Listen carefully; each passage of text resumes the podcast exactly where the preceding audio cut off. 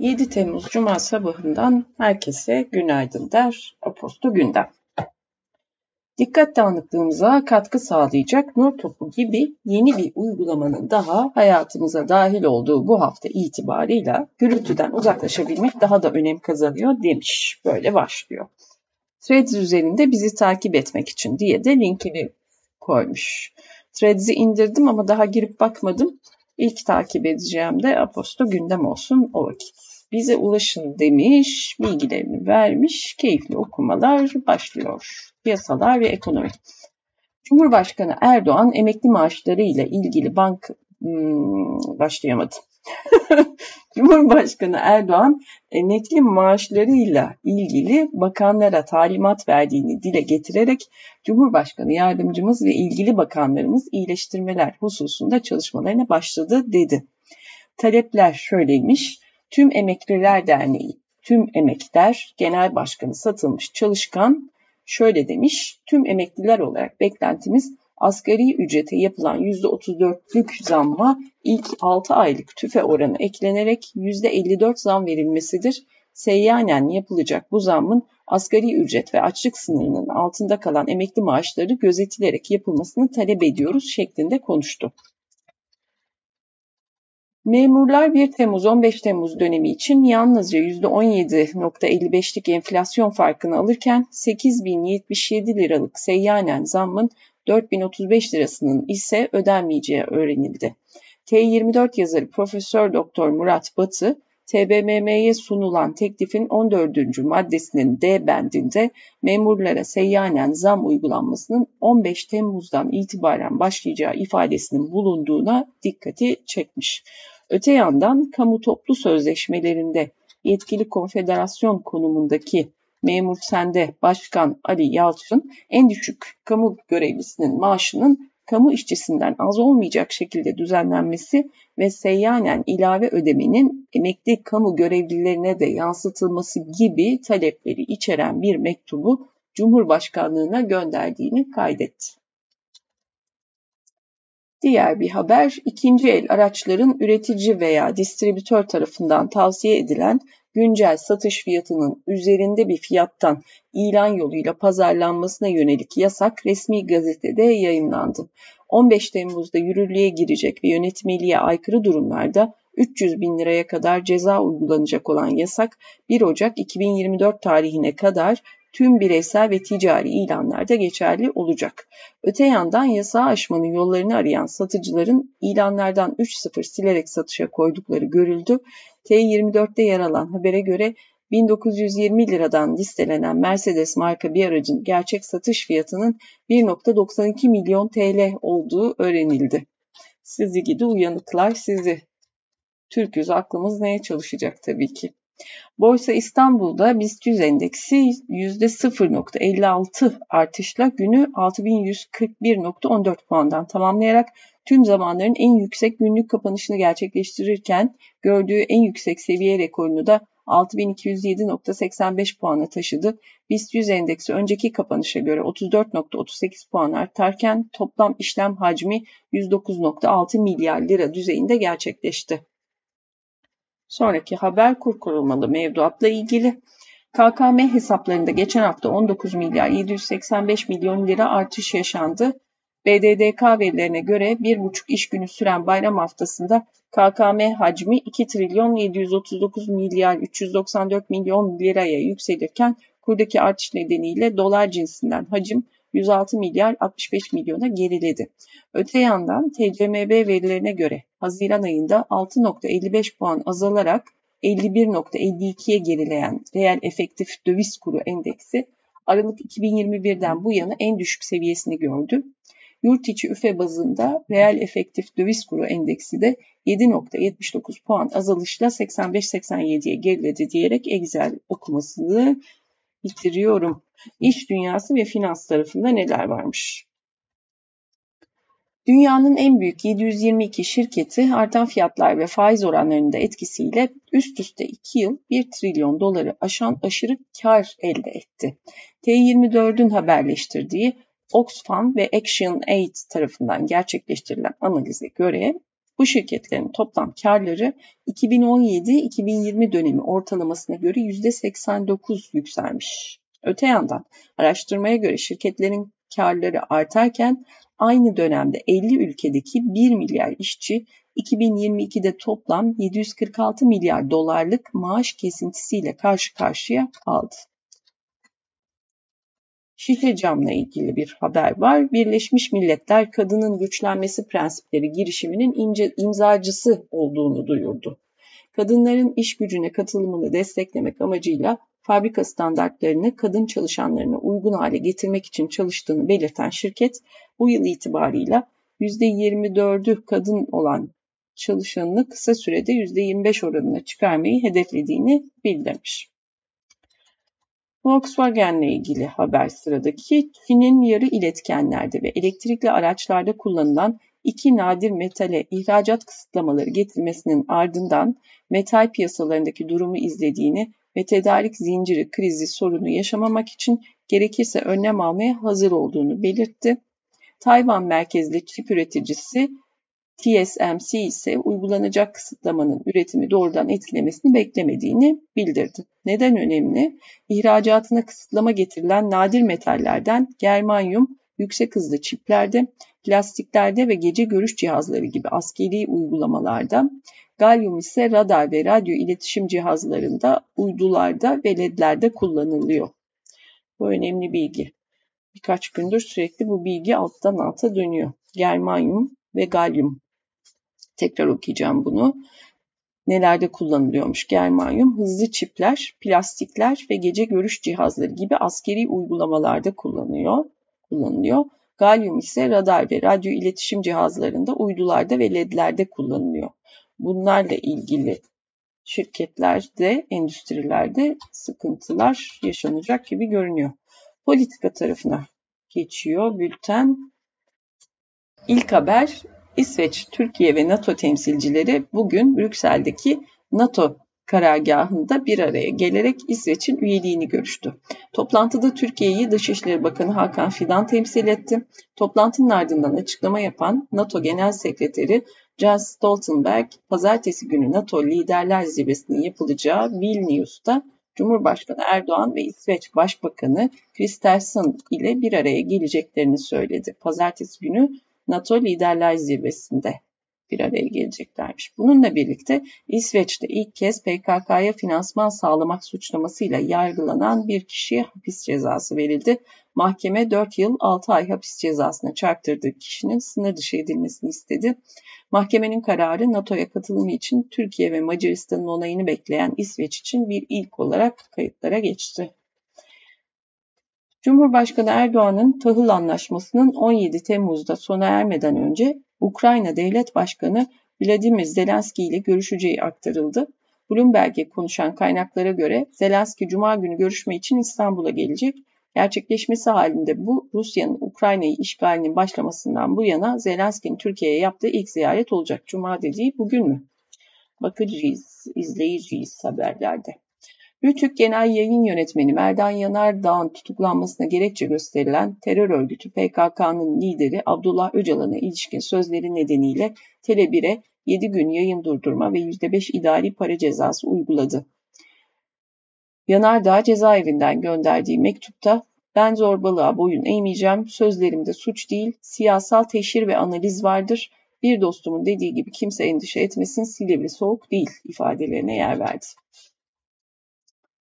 Saadet Partisi ile Gelecek Partisi TBMM'de grup kurma konusunda anlaştı. İki parti işbirliklerinin sınırlarını belirleyen ortak açıklama paylaştı. Açıklamada Saadet Gelecek İttifakı adı altında bir ittifak kurmuşlardır. İttifak meclis çalışmalarının yanı sıra 31 Mart 2024 tarihinde yapılacak olan yerel seçimlerde de seçim ittifakı dahil her türlü işbirliğini kapsamaktadır ifadesi de yer almış. Sırada Belarus Belarus Devlet Başkanı Alexander Lukashenko, Rusya'nın paralı asker grubu Wagner'in lideri Yevgeni Prigojin'in hala Rusya'da olduğunu söyledi. Yabancı gazetecilerin sorularını yanıtlayan Lukashenko, Prigojin hala St. Petersburg'da, Belarus topraklarında değil dedi. Enteresan işler dönüyor oralarda. İsrail'de Başbakan Benjamin Netanyahu'nun yargı reformuna ilişkin protestolar devam ederken hükümetin protestoculara karşı aşırı güç kullanmasını istediği Tel Aviv Emniyet Müdürü Ami Esed'in istifa ettiği açıklandı. Açıklama Esed istifasına ilişkin 30 yıllık hizmet hayatında ilk kez benden istenenin sükunet ve düzeni sağlamak değil, tam tersi olduğu saçma bir gerçeklikle karşılaştım demiş. Böyle de bir cesur açıklama yapmış. Şimdi bugünkü destekçisi kimmiş Aposto gündemin? Efsane devam ediyor demiş. Yulis Nardin Freak One.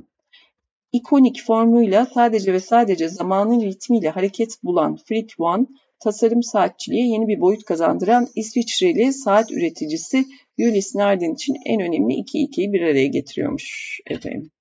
Hop hop hop geçiyorum. Teknoloji ve girişim kısmı. Elon Musk'ın sahibi olduğu Twitter'ın rakip uygulama Threads'in yayınlanmasından bir gün önce Meta'ya CEO Mark Zuckerberg'e onlarca Twitter çalışanını işe almak suretiyle Twitter'ın ticari sırlarını ve diğer fikri mülkiyetlerini kasıtlı ve yasa dışı biçimde kötüye kullanmak ile suçlayan bir ihtarname çektiği ortaya çıktı. Tekrar Elon Musk'ın sahibi olduğu Twitter'ın rakip uygulama Threads'in yayınlanmasından bir gün önce Meta'ya CEO Mark Zuckerberg'i şöyle suçlayan bir ihtarname çekmiş. Onlarca Twitter çalışanını işe almak suretiyle Twitter'ın ticari sırlarını ha kovduğum Twitter'cıları işe aldı diyor Mark Zuckerberg ve diğer fikri mülkiyetlerini kasıtlı ve yasa dışı biçimde kötüye kullanmak. Bilgi e, kaçırıyor diyor Twitter çalışanları. Dahası Twitter'ın Meta'dan kendisine ait ticari sırları kullanmayı durdurmak için derhal adım atmasını talep ettiği ihtarnamede eyalet ve federal yasalarla birlikte bu çalışanların Twitter'a karşı devam eden yükümlülüklerini de ihlal ettiği ifade edildi. Elon Musk'ın Twitter'ı satın aldıktan sonra 6 binden fazla kişiyi işten çıkardığı tahmin ediliyor. Devam. Twitter'ın eski CEO'su Jack Dorsey'in kurucusu olduğu merkeziyetsiz sosyal platform Blue Sky Social, Threads'in kullanıma sunulmasından birkaç saat önce 8 milyon dolar yatırım aldığını duyurdu. Blue Sky aynı zamanda alan adı kayıt şirketi Namecheap ortaklığıyla ücretli bir özel alan adı hizmeti sunacağını da duyurdu.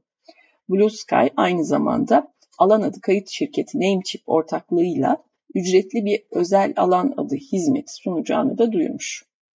Bitcoin perşembe günü kısa süreliğine 31.400 dolara yükselerek son 13 ayın en yüksek seviyesini kırdı. Evet 31.600'ü geçti hatta beklenen e, direnç e, oradaydı. 31.600'ü geçti ama sonra en son 30.600'lere tekrar cumburlop düştüğünü gördüm. Şu anda kaç bilmiyorum. Hatta hemen bakayım. Bakabiliyorsam. Evet 30.300'lerde görünüyor şu anda Bitcoin. Ee, devam. Kripto para biriminin değeri dünyanın en büyük varlık yöneticisi BlackRock da dahil olmak üzere fon yöneticilerinin ABD'de listelenen Spot Bitcoin borsa yatırım fonu başlatma planları nedeniyle destek buldu.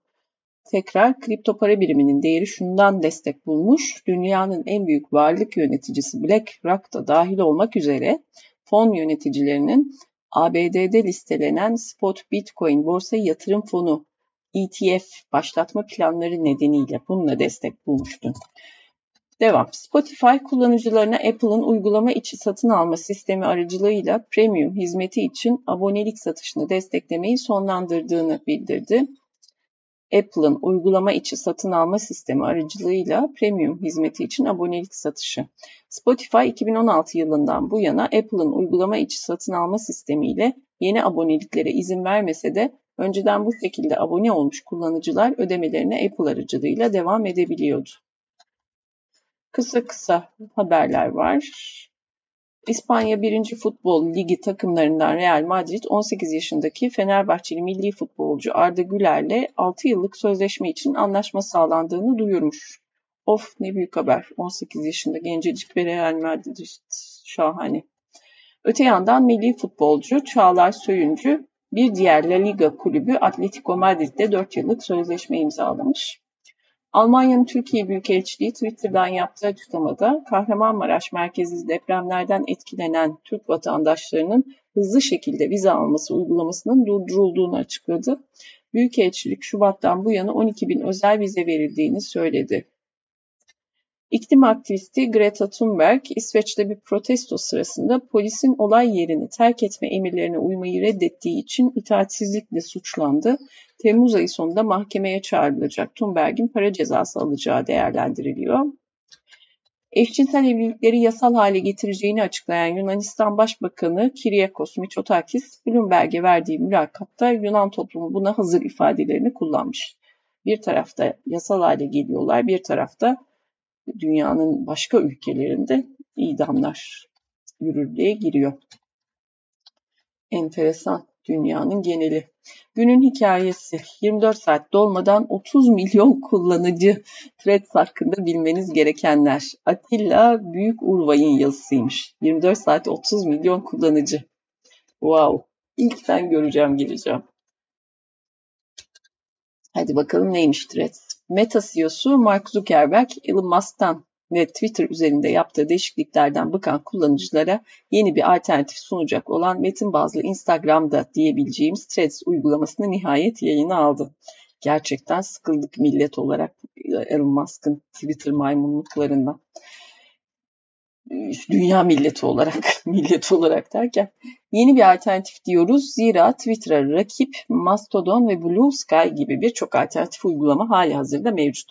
Ancak en popüleri, popüleri bile kullanıcı sayılarında tek haneli milyonları henüz aşamayan bu platformların arasında 2,5 milyara yakın kayıtlı kullanıcısı sayesinde henüz yayınlanmasının üzerinden 24 saati bile geçmeden 30 milyon kullanıcı eşiğini aşan Instagram'a ait Threads uygulaması Twitter için ilk gerçek tehdidi oluşturan rakip oldu. Twitter için bu ilk gerçek tehdit o kadar aniden gelişti ki Elon Musk önce kullanıcıların tweetlerini görüntüleyebilmek için platforma giriş yapması zorunluluğunu kaldırdı. Sonra da ücretsiz abonelere getirdiği görüntüleme sınırlamasını 600 tweetten 1000'e çıkarttı.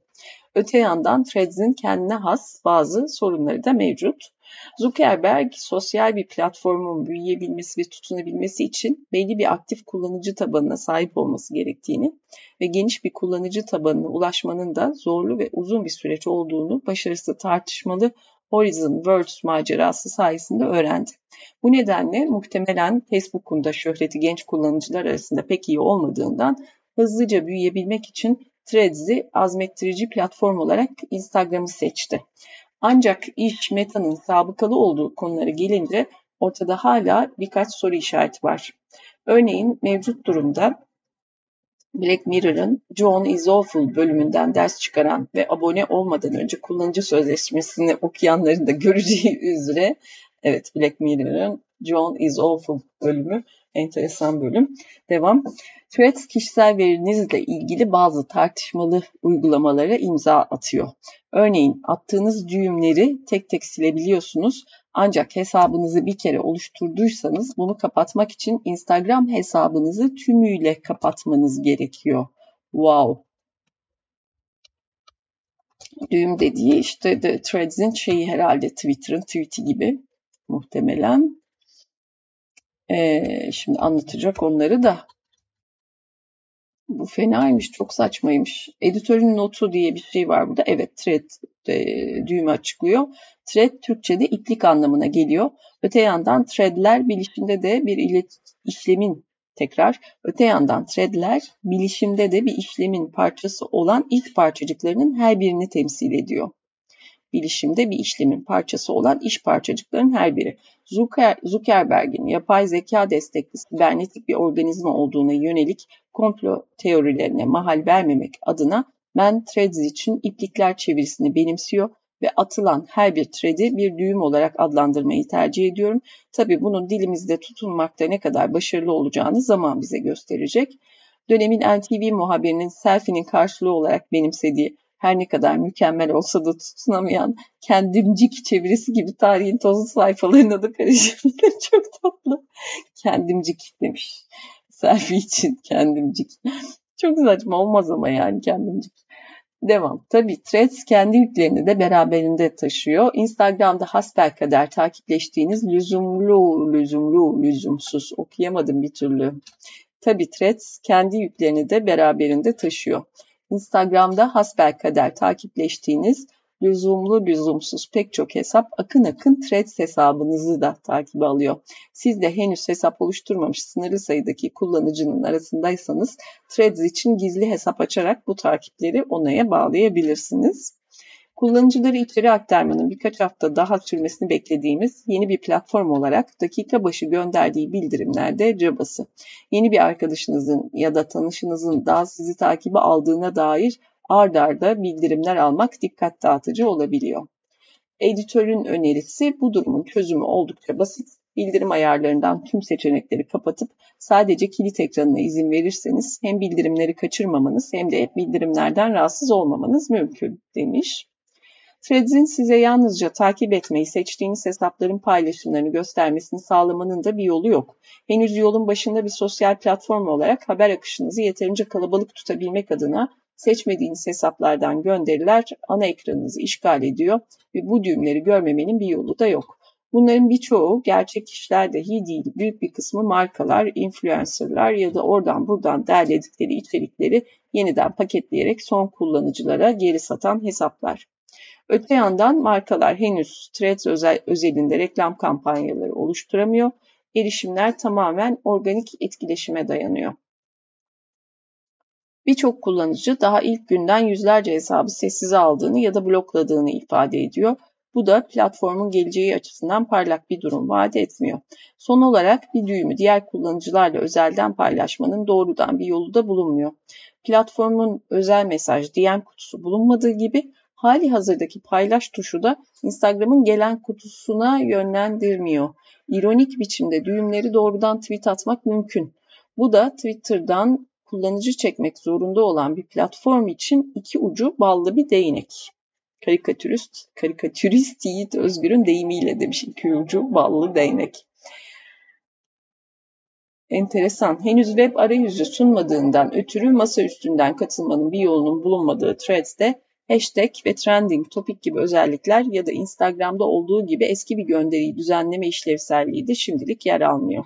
Yazıyı noktalamadan önce belirtmekte fayda var. Threads pekala Instagram'ın alt barında bir sekmede olabilirdi. Ancak muhtemelen bu şekilde yeterince ses getirmeyeceği için ayrı bir uygulama olarak hayatlarımızı işgal etmeyi sürdürecek. Tabii Elon Musk'la savaşının e, yumurtlaması bu yani başka bir şey değil. Ama ilk günden 30 milyona çıktıysa bayağı başarılı olmuştur demektir. Olmuş demektir. Şimdi Sırada ne okuyacağıma bakıyorum. Kuando haftalık bülteni gelmiş dün sanırım. Evet 6 Haziran Perşembe gününden merhaba demiş. Kuando teknoloji bilim haberleri. Yine Aposto'nun başka bir bülteni. Neymiş? Çoğunuzun duyduğunu tahmin ediyoruz ki Elon Musk yine rahat durmadı ve geçtiğimiz hafta Twitter'a kullanıcıları oldukça sinirlendiren sınırlamalar getirdi. Sosyal medyada yerden yere vurulan bu sınırlamalar hali hazırda Musk yönetimindeki Twitter'dan memnun olmayanların yeni yönetime karşı daha da bilenmesine neden oldu. Peki Musk neden, ne gibi bir amaçla böyle bir değişikliğe gitti? Bugünün yazısında bu sorunun cevabını bulmaya çalışıyor. Yeni sınırlamaların Twitter ve Twitter kullanıcıları üzerindeki etkilerini inceliyoruz demiş. İrem Denli'nin yazısı bu. Twitter'da sınırlar yeniden çiziliyor. Bunu okumayacağım. Çok e, ilgilenmiyorum çünkü Twitter'ın maymunluklarıyla şu anda. Bugünkü destekçimiz Rota Digital demiş bu kadarmış. Kuando'da başka bir haber vesaire yok. Sadece bu vaka çalışması olarak bu yazı var. Aposto İstanbul bülteni var. Tiyatro ve sergi rehberi. Buna bir hızlıca bakıyorum.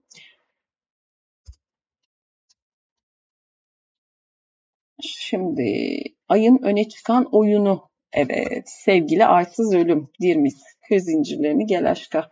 Çok güzel bir oyun. İzledim, bayıldım. Tek kişilik bir oyun. Ama müthiş oyunculuk. Şimdi e, tiyatrolar.com'dan da bakılabilir bunun yorumlarına, işte konusuna nedir ne değildir bu arada. Tiyatrolar.com e, iyi bir tiyatro sosyal platformu.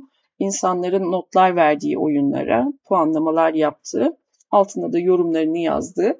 E, ben birçok oyuna, tiyatro oyununa oradaki yorumlara göre karar veriyorum.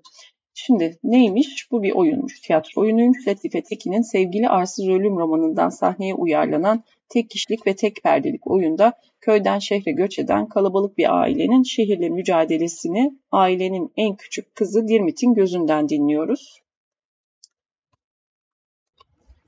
Oyun neredeymiş? Küçük Çiftlik Park'taymış. 20 Temmuz Perşembe saat 21'deymiş. Neden gitmeli? Sevgili Arsız Ölüm Dirmit sahneyle buluştuğu andan itibaren Nezaket Erden'in muhteşem sahne performansıyla unutulmaz tek kişilik oyunlardan biri haline geldi. Erden'in bu performansla uzandığı ödüller arasında şunlar bulunuyormuş.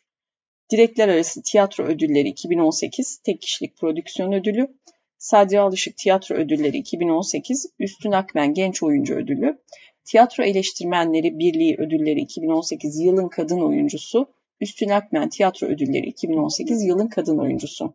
Not almalı 15 ve 16 Temmuz'da moda sahnesindeki 3 seans içinde biletlerin tükendiği oyuna 20 Temmuz'da Şişli Tiyatrosu'nda yetişmek isteyenleri böyle alalım diye linkini vermiş. Ayın öne tutan sergisi var sırada. Aynı ufka bakmak. Galeri Nev İstanbul'un yaz seçkisi 2 Eylül'e kadarmış. Neden gitmeli? Doğaya, insana ve yaşadığımız coğrafyaya benzer hisler ve bakış açılarıyla yönelen sanatçılarla aynı ufka bakmak için not almalı. Gökçen Dilek Acay, Murat Ak Akagündüz, Sevinç Altan, Mike Berg, Nermin Er, Tayfun Erdoğmuş, Ahmet Doğu İpek, Murat Morova, Aras Sedik ve Hale Tenger'in eserlerinin yer aldığı setki söz konusu sanatçıların desen, rölyef, sulu boya, fotoğraf ve metal gibi çeşitli malzemelerle ele aldığı yakın temaları bir araya getiriyor. İki tane eseri buraya koymuş. Seçkideki iki eser diye. Biri Nerminer'in Diving Boards, diğeri de Kozmik Latte serisinden Murat Morova'ymış. Nerminer'in Nordart, Nordart için küçük yazılar koymuş bu arada altına da. Galeri Nev İstanbul'un yazılarını koymuş. Diving Board Nerminer eseri için şöyle yazmış galerine. Nerminer'in Nordart için yaptığı Diving Boards adlı yerleştirme, mekan kurgusu ve birbirini tamamlayan yapılar olması açısından 2022 yılında ürettiği havuz serilerinin devamı gibi düşünülebilir. Kağıdın potansiyellerini bu kez metale aktararak mikro mekanlar yarattığı işlerinden olan bu eserde büyük bir boşlukta bağlamından kopartılarak minyatürleştirilmiş tramplenler görünür. Bu yerleştirmede havuzu ortadan kaldırarak yalnızca tramplene odaklanmak izleyiciye boşluğa atlama duygusunu hissettirir. Mimari bir kesit olarak ele alındığında ise bu görüntüler yine benzer mimari ve kurgusal çağrışımları aracı olur. Sanatçının çalışmalarında sıkça yer verdiği konstrüksiyonlar, mikro yapılar ve merdivenimsi parçalar bu kez boşlukta asılı halde durarak izleyeni kendini bırakmaya, hafiflemeye davet eder demiş. Evet. Yorum yapmıyorum çünkü ben bir şey anlamadım bu eserden değil. Bu bıyık altından güldüm hafifçe. Kozmik Latte serisinden Murat Morova.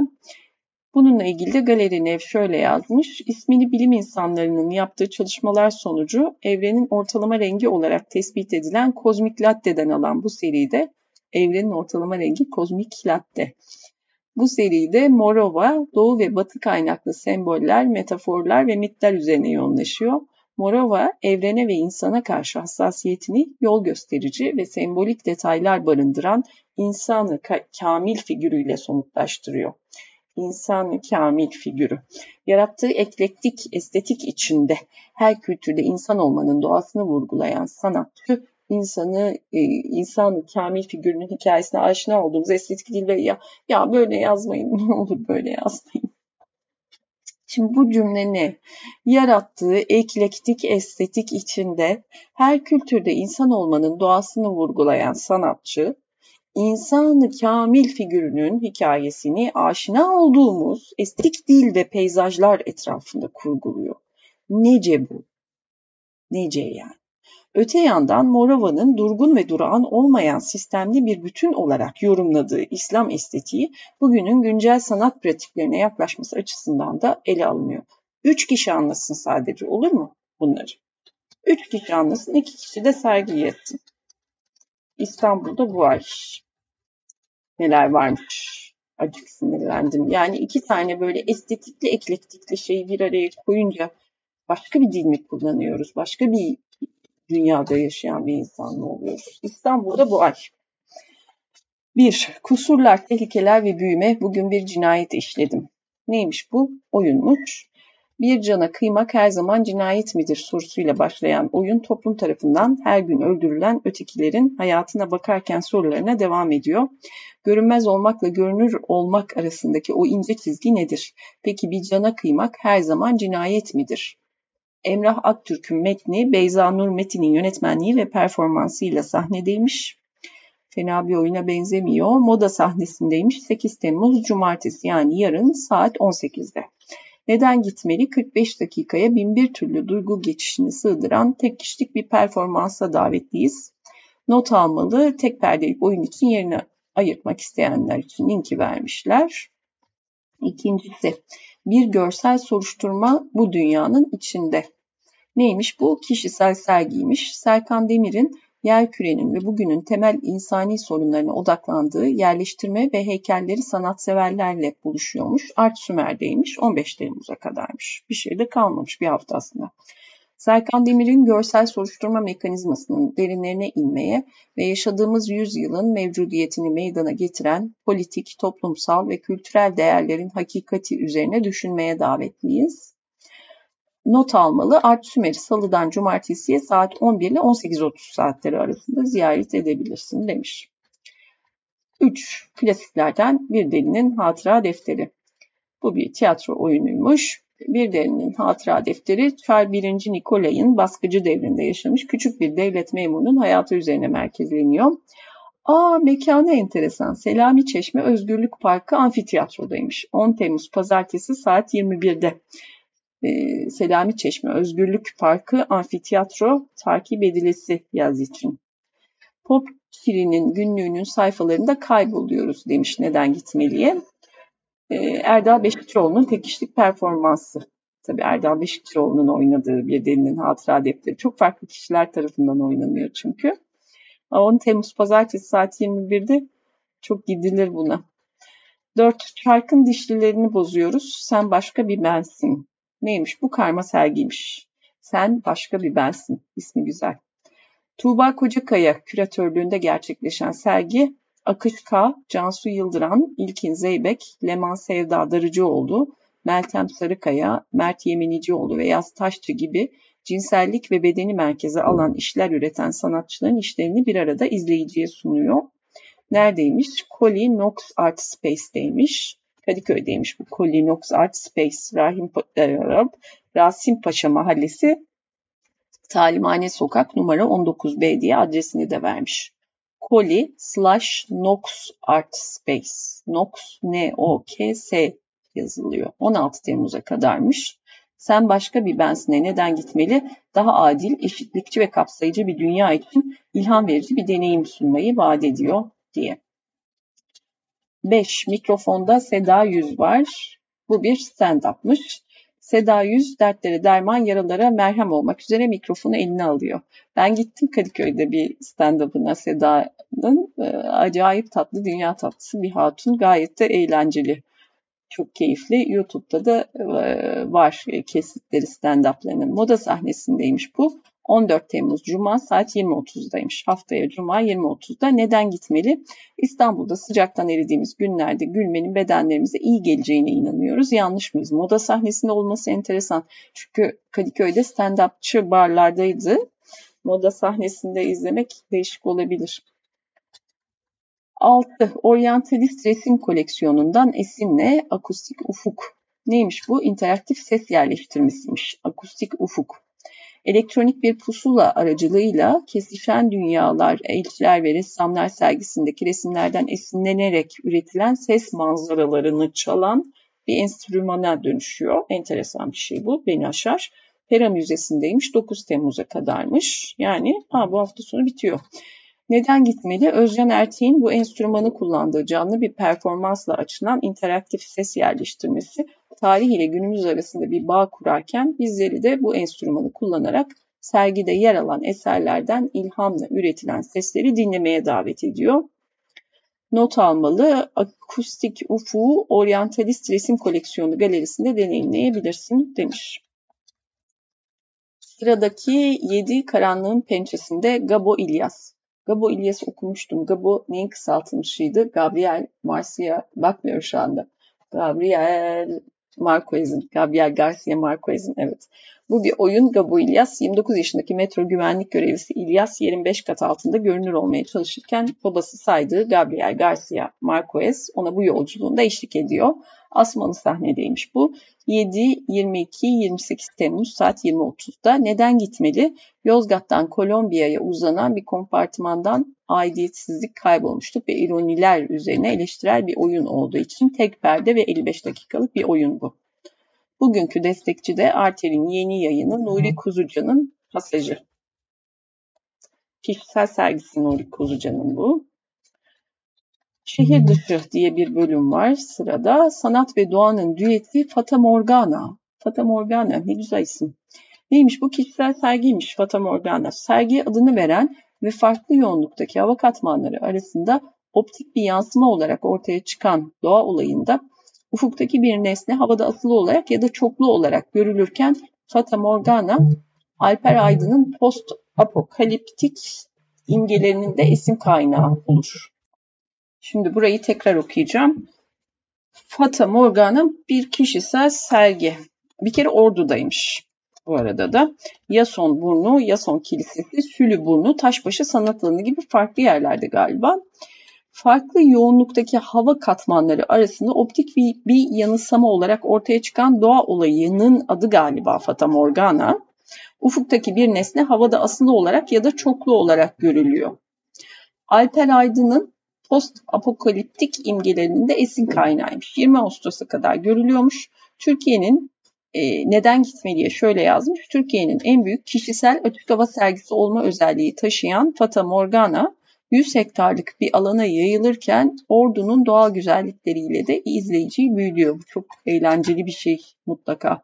Not almalı sanatçı Yason burnunda gördüğümüz yüz yüze de Kariye Müzesi'nin kubbesinde bulunan işlemelerle Ayasofya'nın kubbesinde yer alan Arapça kaligrafileri birbiriyle konuştururken zamanı oluşturan yörünge ve döngülere benzeyen kontrollü bir devinime tabi tutuyor demiş.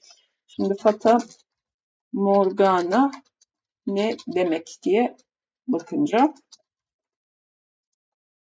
Fata Morgana etkisi diye bir Yeni Çağ gazetesinde varmış.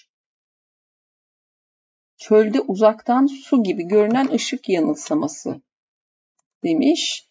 Deniz yüzeyinin üstündeki hava kütlesinin normalden soğuk olması daha yüksekte olan sıcak havadan geçen ışığın kırılmasına ve cisimleri uçuyor gibi görmemize sebep olur.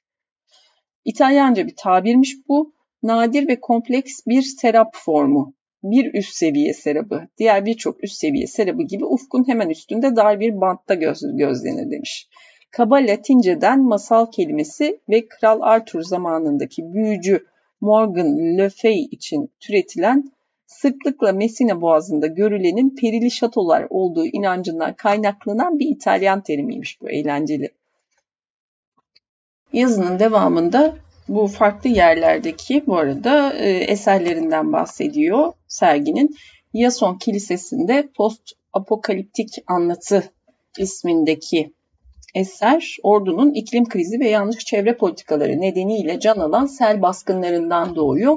Yıkımdan kalanlara müdahalelerle meydana getirdiği enstalasyon izleyiciyi felaketin hafızası ve mecburi sorgulamalarla baş başa bırakıyor. Sülü burnunda bizi Hieronymus Bosch'un Dünyevi Zevkler Bahçesi'nde gördüğümüz cennet tasvirinden ilham alan hayatın kaynağı karşılıyor. Aydın fırtınalarla sahile gelen plastik çöpleri ileri dönüştürerek Boş'un çeşmesini yeniden yorumlarken bizi de bir buluşma alanına davet ediyor. Bu da güzel görünüyor. Aydın'ın tasarı yolculuğuna en yakından baktığımız fikir çizimleri bizi Taşbaşı sanat alanında bekliyor. 7 yıla yayılan 36 eskizde sanatçının zihninde aydınlatıcı bir yolculuğa çıkıyoruz. Böyle güzel bir iş, çok güzel bir iş gibi gözüküyor. Duyuru panosunda ne varmış? The Circle'ın genç mimarlara açık çağrısında başvurular 9 Temmuz'a kadar uzatıldı diyor. Galata'dan sevgilerle diye bir bölüm var altında. Fotoğraf var. Deniz Sabuncu'nun fotoğrafı var. Nefis fotoğraf. Şahanesiniz. Peki. Tamam buralar bu kadar. Şimdi sırada bütün bu kültür sanat sergidir. Ee, güzellik yerinden sonra. Bakalım piyasalarda neler oluyormuş parasallarda. Hiç bakasım yok ama bakacağım şimdi. Hissenet bugüne ne demiş borsada bugün neymiş?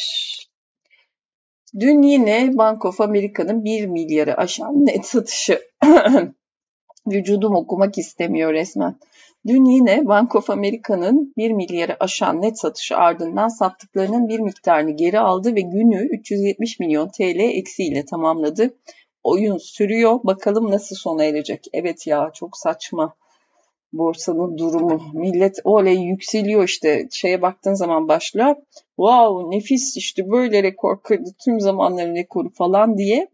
Ama dün e, böyle adım adım adım adım kendini yedi bitirdi valla. Hızlı yükseliş ardından indikatörler aşırı alım bölgesinde dolanıyor.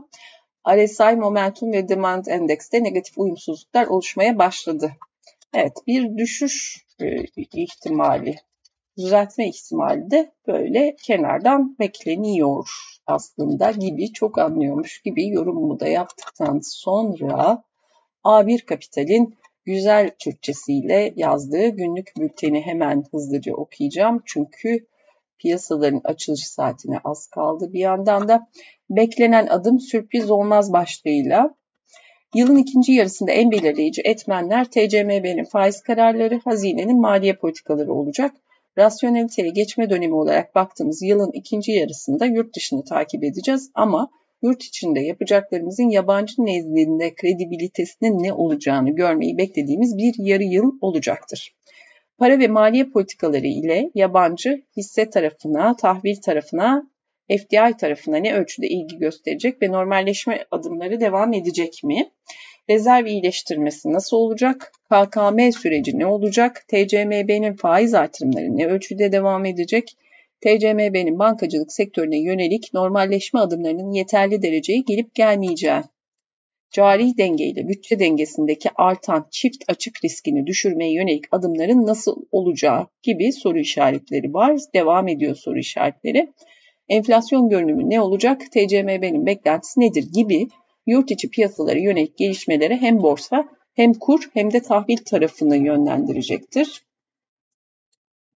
gelişmeler yani yurt içi piyasa gelişmeleri bu soruların cevapları yönlendirecek diyor. Peki bizim beklentilerimiz tüm bu soru işaretlerinin cevaplarının ağırlıklı olarak TCMB enflasyon görünüm raporuna kadar ve birlikte ortadan kalkması yönündedir. İzlenen politika kur artışını bu da enflasyon beklentilerini artıracağından borsanın güçlü kalmasını beklemekteyiz. Diğer taraftan ise borsanın rakipleri çoğalmıştır. Mevduatı, gram altını ve de eurobondları bu dönemde revaçta olacak enstrümanlar olarak görmekteyiz. Dolayısıyla yatırımcıların dağılım politikası izlemesini tavsiye etmekteyiz. Sepet yapın diyor. Mevduattan faiz alıyorsun bir tarafta nakitte dur diyor. Gram altına bir bak diyor. Eurobondlara bak diyor. Borsada iyi diyor. Yurt dışındaki Fed ve ECB kararları yine izlenecek ama yurt içine etkisi yılın ilk yarısında olduğu gibi oldukça sınırlı olacaktır demiş. Bu beklentileri sahipken bu hafta başından beri gelen düzenlemeler sürpriz değil beklenen adımlardır demiş. Yurt dışına baktığımızda ise Wall Street'in ana endeksleri dün güçlü bir iş gücü piyasasının tahvil getirilerini arttırdığını gösteren verilerin ve Fed'in ABD faiz oranlarını arttırmada agresif davranacağına dair korkuların körüklenmesinin ardından geniş bir satışla sert düşüşle kapandı. Evet, Fed ABD faiz oranlarını agresif bir şekilde arttıracak korkusuyla Wall Street'in ana endeksleri dün sert düşüşle kapanmış.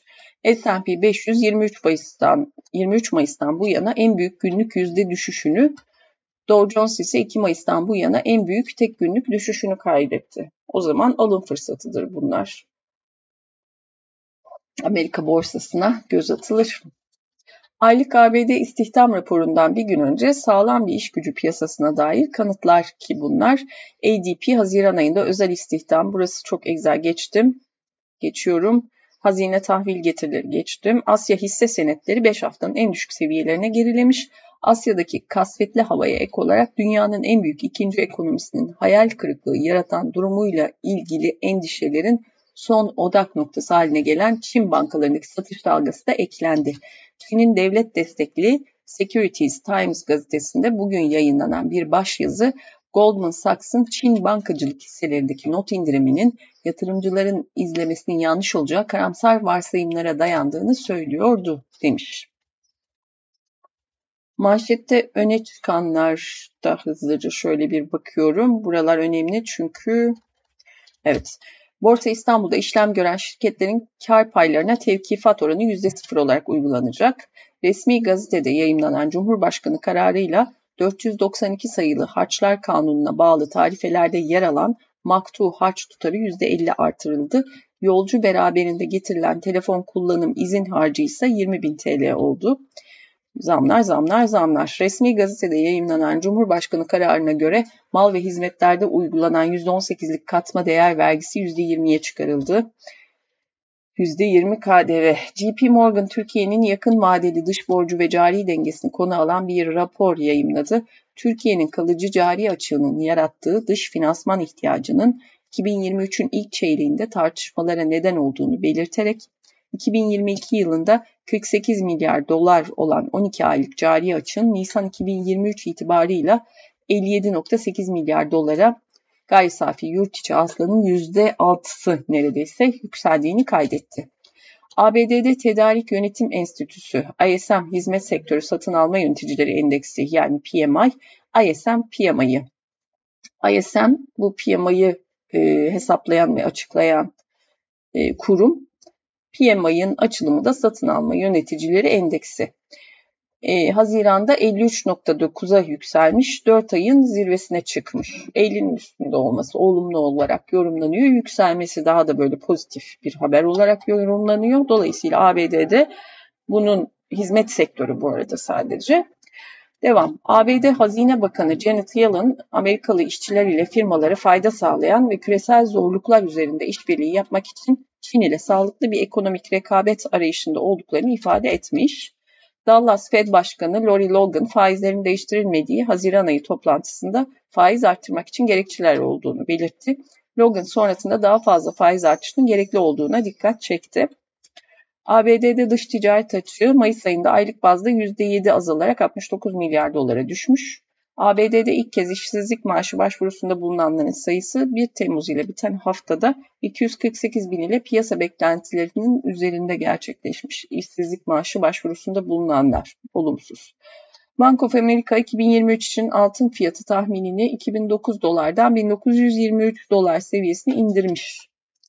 Ons altındaki tahminini indirmiş Bank of America. Evet, bundan sonra da şirket haberleri, kap haberleri, pay alım, satım haberleri, sermaye artırma haberleri vesaire vesaire var. A1 Kapital'in bülteni böyle. Sıradaki Philip Kapital'in bülteni ona da bir hızlıca hemen bakıyorum. Gündem, FED tutanaklarındaki faiz artışı vurgusu ve FED üyelerinden faiz artışlarının devam edeceğine yönelik mesajlar küresel çapta sıkılaşma ve resesyon kaynaklı endişeleri gündemde tutmaya ve risk iştahı üzerinde baskı oluşturmaya devam ediyor. ABD'de dün açıklanan ADP istihdam değişimi Haziran ayında 497 bin artış kaydederek beklentilerin oldukça üzerinde geldi. Güçlü gelen veri sonrasında piyasalarda Fed'in Temmuz ayı toplantısında faiz artışına gitmesine kesin gözüyle bakılırken Eylül ayı içinde faiz artırım beklentileri güç kazandı. Bugün ABD'de açıklanacak tarım dışı istihdam verisi piyasaların yakın takibinde yer alacak olup fiyatlamalar üzerinde etkili olacaktır diyor gündem tarafında. Piyasa beklentisi neymiş? ABD'de güçlü gelen ADP istihdam değişimi sonrasında FED'e ilişkin artış kaydeden sıkılaşma beklentileri ve gündemdeki resesyon kaynaklı endişeler küresel hisse piyasalarında dün satışlarının derinleşmesine neden oldu. Avrupa borsalarında %2'leri aşan kayıplar dikkat çekti. Bugün ABD'deki tarım dışı istihdam verisi riski iştahı ve piyasaların seyri üzerinde etkili olacaktır. BIST 100 endeksi ise dün günü yükselişle tamamladı. ABD borsaları günü kayıplarla tamamlarken ABD vadelilerinde bu sabah yatay bir seyir varmış. Asya piyasalarında kırmızı renk, Avrupa vadelileri ve CFD kontratları da yatayı yakın açılışlara işaret ediyor. Yani bütün bu şeyin ortamın içinde Borsa İstanbul, BIST 100 endeksi da e, olumlu, pek olumlu. Her taraf kırmızı. Dünyadan bağımsız bir şeyiz çünkü biz adacığız. BIST 100 endeksinin güne dalgalı bir açılışla başlamasını bekliyoruz diyor. Biz senetin şeyine göre de Bank of America bakalım ne yapıyor bugün diye mi bekliyoruz mesela. Devam. Ee, Hazine ve Maliye Bakanı önemli haberler kısmında Mehmet Şimşek'in dün yaptığı açıklamada ekonomi programının üç temel bileşeninin mali disiplinin tesisi, enflasyonun düşürülmesi için kademeli parasal sıkılaştırma ve yapısal reformlar olduğunu belirtmiş. ADP verilerine göre ABD'de özel sektör istihdamı Haziran'da yaklaşık yarım milyon artarak bir yıldan fazla bir sürenin en yüksek seviyesini gördü demiş. PMI'yi öbür tarafta okudum. Geçiyorum. Tap haberleri var burada.